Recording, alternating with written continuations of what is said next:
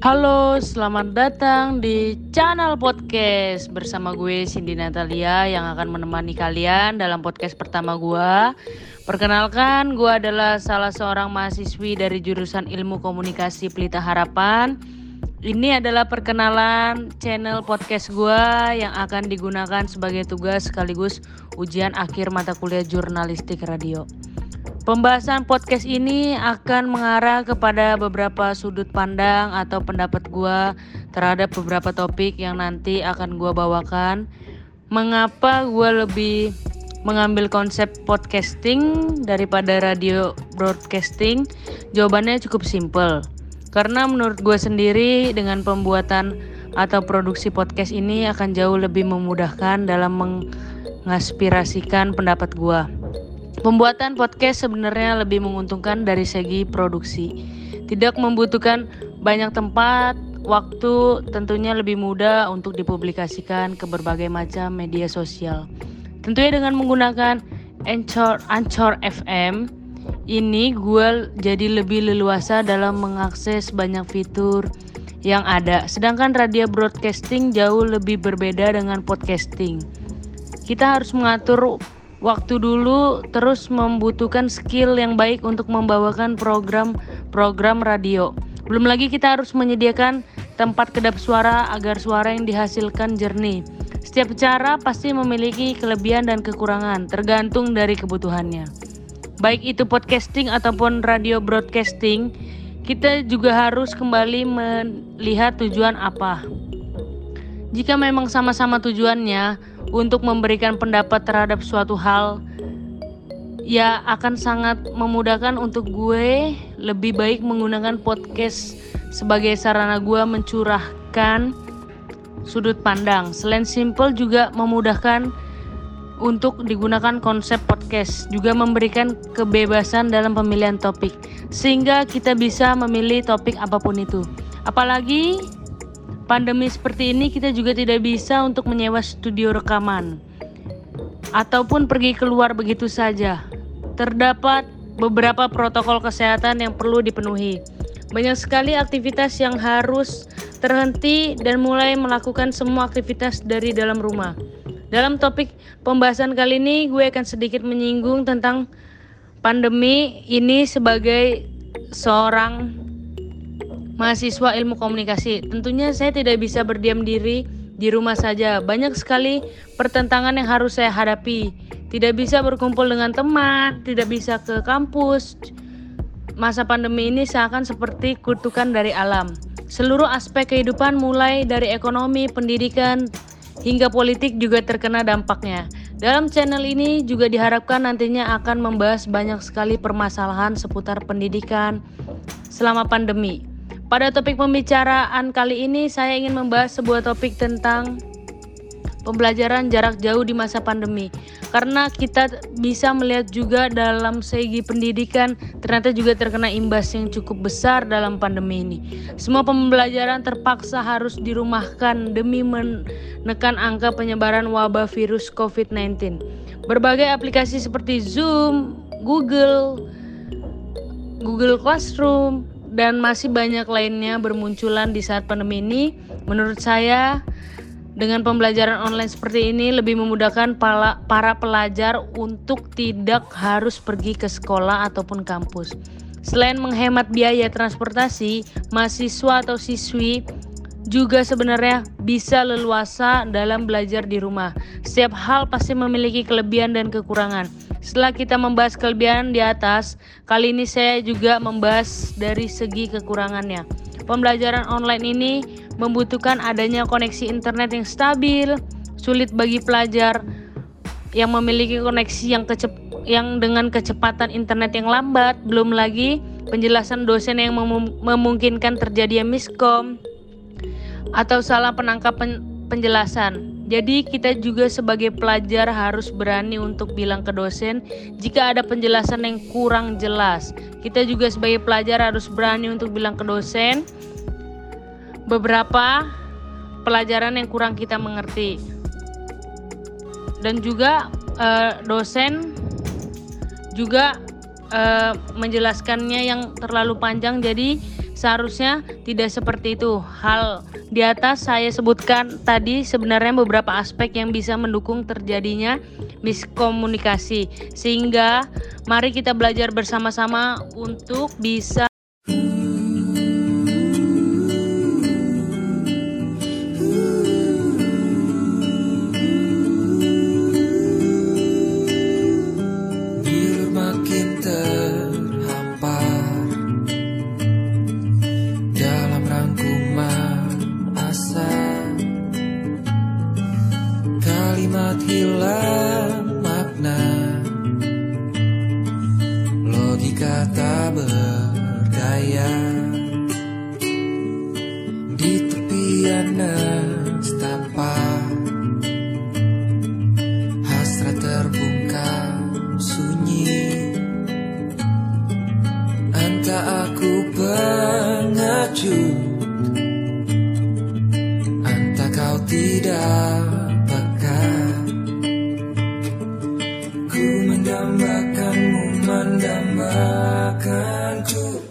kau butuh telinga untuk mendengar Bahu untuk bersandar Raga untuk berlindung. Pasti kau temukan aku di garis terdepan Bertepuk dengan sebelah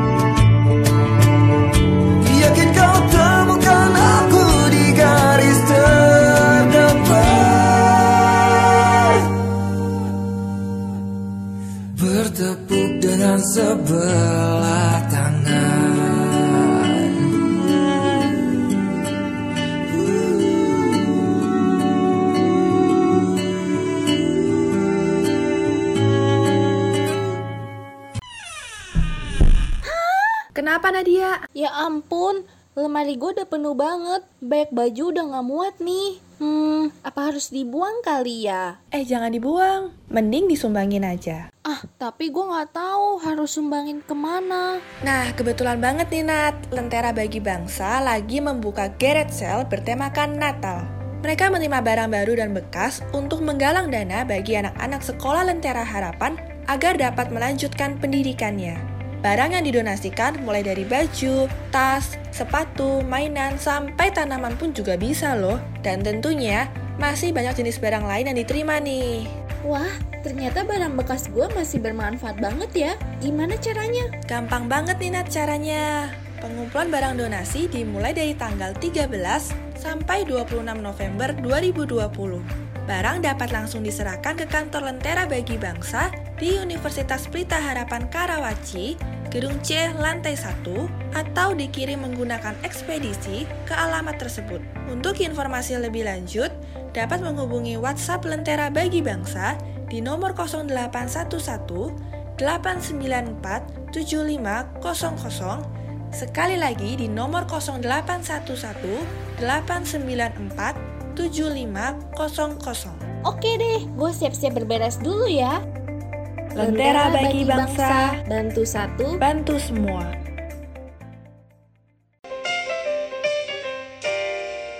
Halo, tanpa sadar, sebentar lagi kita akan memasuki bulan Desember, di mana kita akan merayakan hari lahirnya Yesus yang lahir untuk menjadi terang bagi dunia. Dalam rangka menyambut hari Natal, Lentera bagi Bangsa akan mengadakan garage sale.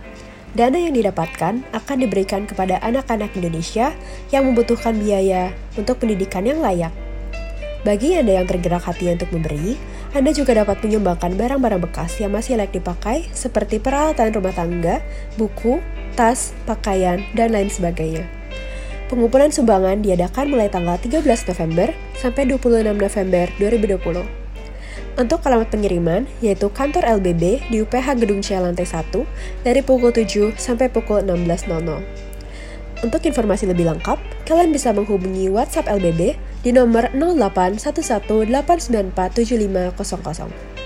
Mari bersama ulurkan tangan kita untuk membantu anak-anak Indonesia mendapatkan pendidikan yang layak demi impian dan cita-cita mereka. Have a good day. God bless you.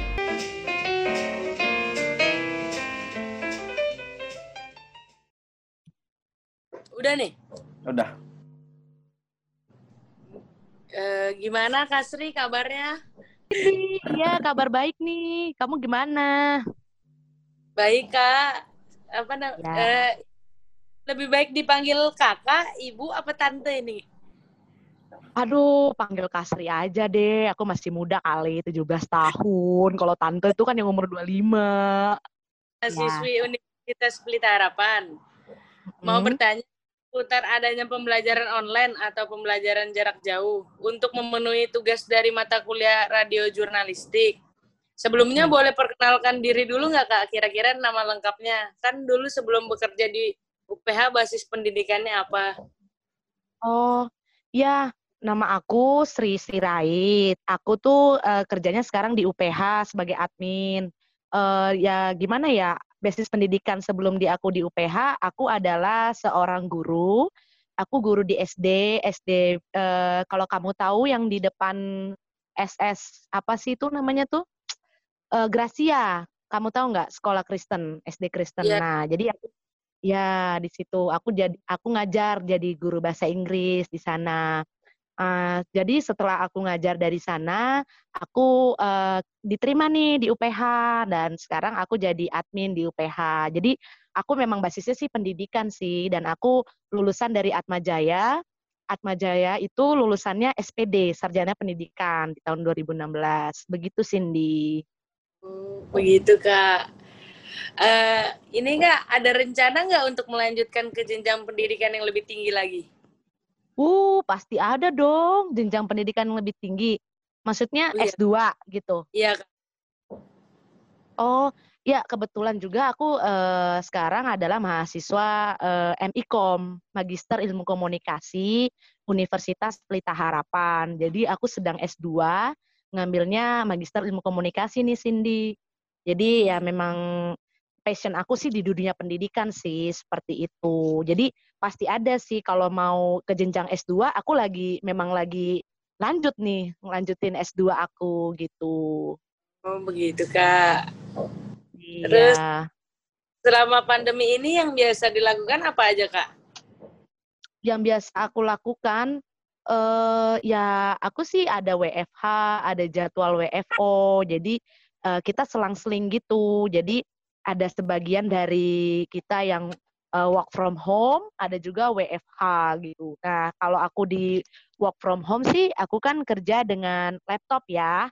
Jadi eh, kerja by laptop itu ya menyenangkan sih. Yang pertama satu kita tuh kayak jadi lebih explore gitu. Jadi kayak lebih eh, gimana ya, lebih fleksibel gitu. Nah, kalau WFO ini kita kan ke kantor kan. Nah, jadi kalau di kantor kita juga eh, bekerja sih dengan komputer, tapi kayaknya eh, perasaannya tuh kayak ada yang kurang. Kenapa? Karena eh, apa? Kita tuh dikasih jarak gitu loh. Eh, jadi nggak semua orang masuk di, di apa nih di kantor satu hari itu. Jadi eh, ada ya sekitar be- jadi hanya cuman beberapa orang doang yang masuk gitu. Jadi ada merasa kayak sepi gitu, ya. Jadi kayak nggak nggak semua orang datang, jadi kayak ada yang kurang begitu. Dan ya jarak kita juga dijarakin kan saat kita makan. Misalnya nih aku lagi makan nih di FJ, Ya. tapi kayak ada jarak gitu. Ya memang ini terbaik sih, bagus sih. Tapi ya kita kayak merasa ya kehangatan itu kurang sih. Tapi eh ini ya kan memang harus begitu kan. Kita harus pakai Ya. masker dan segala macamnya. Ya eh, menurut aku itu bagus. Eh, jadi kita diberi jarak 1,5 meter eh, dan kita harus menggunakan masker ke mana pun kita pergi. Nah jadi eh, itu udah pe- pe- pengajuran dari pemerintah itu bagus. Nah jadi menurut aku eh, bagus sih apa namanya kita eh, eh, apa namanya kita tuh eh, tetap eh, mena- menaati peraturan dari pemerintah itu begitu. Iya. Apakah kalau kakak bepergian atau di kampus itu tetap memenuhi protokol kesehatan yang ada eh, atau Iya. ada aktivitas lain gitu? Eh ya, jadi eh, kita, jadi aku kan aku berangkat ke kantor ini naik motor. Nah, aku aku menggunakan helm satu itu wajib. Aku menggunakan jaket, terus aku menggunakan eh, masker juga. Nah, aku menggunakan masker ini eh, kenapa? Bukan karena ih aku takut nih ada polisi nih, bukan. Jadi alasan yang pertama karena kesehatan kan. Jadi tuh kita harus pakai masker eh, untuk supaya tuh eh, kita tuh mengurangi penu, pe- apa sih penyebaran virus corona itu. Jadi memang pemakaian masker itu wajib, benar-benar wajib. Aku sampai kantor pun aku harus pakai masker, segala sesuatunya, cuci tangan dan kita sebelum eh, masuk lift aja tuh kita eh, apa sih namanya tuh di Cek- temperatur gitu ya. Cek suhu ya? Nah, iya itu namanya cek suhu ya. Ya, seperti itu. Jadi eh aku juga cuci tangan tuh kayaknya tuh bukan cuman pengen makan doang, tau nggak?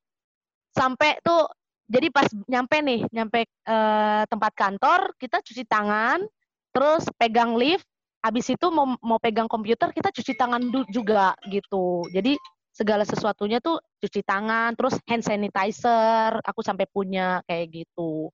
Jadi hal-hal yang eh, kayaknya tuh dulu-dulu tuh kayaknya kita lupakan gitu ya. Kayaknya buat apa gitu cuci tangan, tapi itu sangat sebenarnya tuh benar-benar penting. Kamu juga kayak gitu nggak sih di rumah?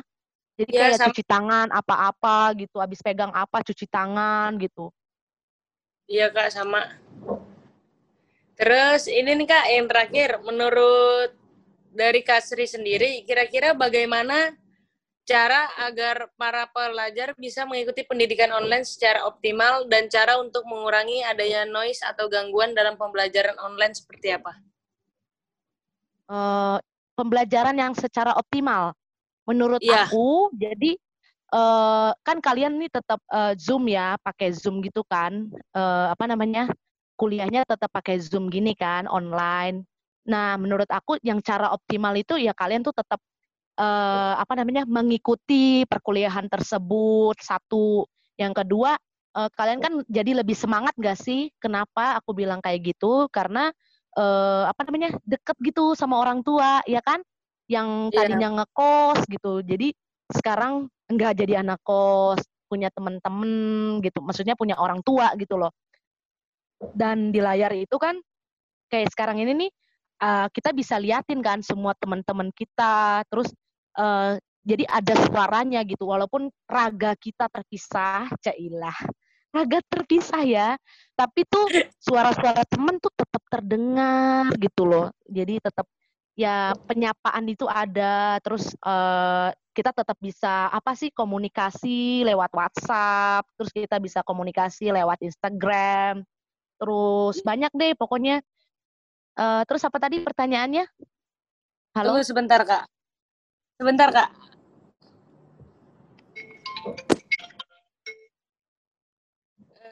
Eh, Ini nih kak, pertanyaan terakhir ya. Kak, ya ya halo halo kedengeran pertanyaan terakhir nih, sebagai mahasiswi Magister Ilmu Komunikasi, tentu kan juga melakukan online class juga nih kak. Sering Iya, suka ada kasih sama dosen nggak sih? Kalau misalkan suka ada miskom gitu, cara kakak mengatasin miskomnya gimana? Oh, eh, jadi ada miskomunikasi ya kadang-kadang karena kan jadi gini kadang kan ngadet a- a- a- a- jadi gitu kan Iya. kadang ada sebagian eh, mahasiswa yang ngasih pertanyaan nih ke dosen tapi ngadet-ngadet gitu suaranya. Nah, jadi dosen itu kadang-kadang setelah jadi Zoom kan kita eh, lewat Zoom juga kan. Jadi setelah lewat Zoom nanti dosen itu akan apa ngasih jawabannya tuh lewat WhatsApp gitu. Jadi kita ada WhatsApp group di mana di grup itu ada ada dosennya, terus ada mahasiswa-mahasiswanya. Jadi eh, dosen ini bilang bagi mahasiswa yang tadi pengen nanya silahkan di sini. Jadi nanti saya jawab gitu. Jadi lebih ke apa sih eh, texting gitu sih. Karena kan apa sih noise-nya itu eh kita kan tergantung ini nih apa namanya nih eh jaringan sinyal sinyalnya itu. Jadi kalau sinyalnya jelek ya kayak gitu kadang ngadet ngadet ngadet ngadet gitu kan. Nah, jadi solusinya sih kadang si dosen itu eh, ngap apa WA ngechat gitu di WA grup. Gimana tadi ada pertanyaan apa ya gitu. Seperti itu sih Cindy. Kamu kamu juga gitu nggak sih? Kadang-kadang suka ngadet kan kalau ngasih itu di iya Zoom. kak, sama. Suka ngadet gitu kadang sinyalnya hilang kak. Iya, iya, betul, betul. Sama berarti ya kak?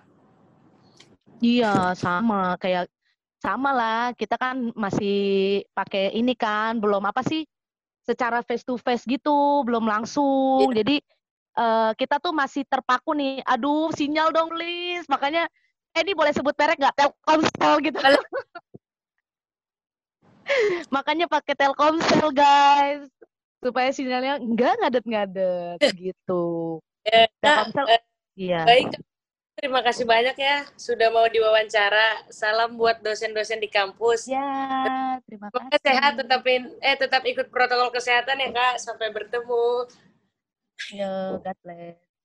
Dadah kak. Kenapa Nadia? Ya ampun, lemari gue udah penuh banget. Banyak baju udah gak muat nih. Hmm, apa harus dibuang kali ya? Eh jangan dibuang, mending disumbangin aja. Ah, tapi gue gak tahu harus sumbangin ke mana. Nah, kebetulan banget nih Nat, Lentera Bagi Bangsa lagi membuka garage sale bertemakan Natal. Mereka menerima barang baru dan bekas untuk menggalang dana bagi anak-anak sekolah Lentera Harapan agar dapat melanjutkan pendidikannya.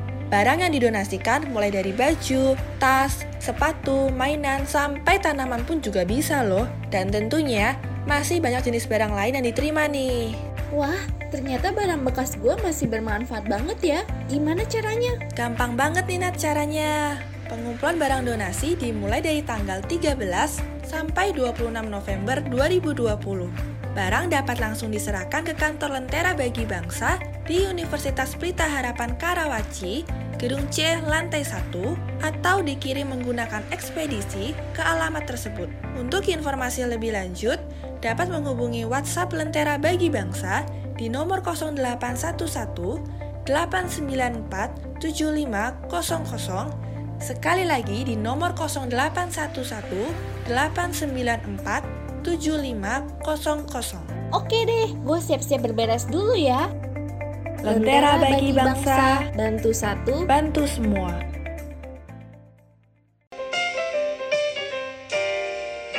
Halo, tanpa sadar, sebentar lagi kita akan memasuki bulan Desember, di mana kita akan merayakan hari lahirnya Yesus yang lahir untuk menjadi terang bagi dunia.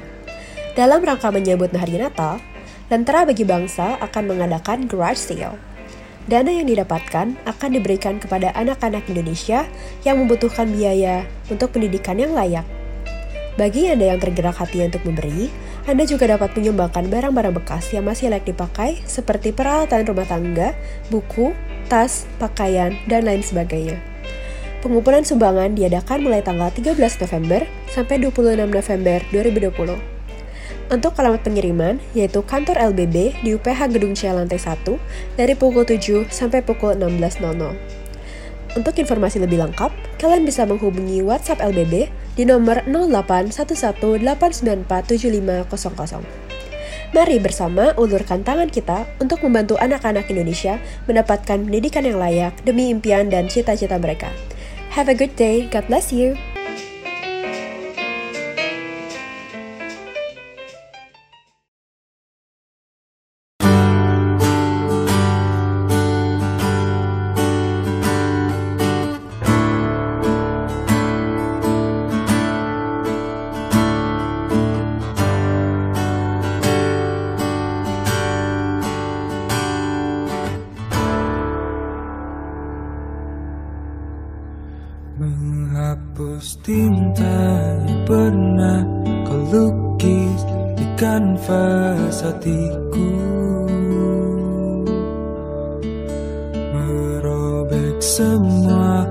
Bayangan yang tampak di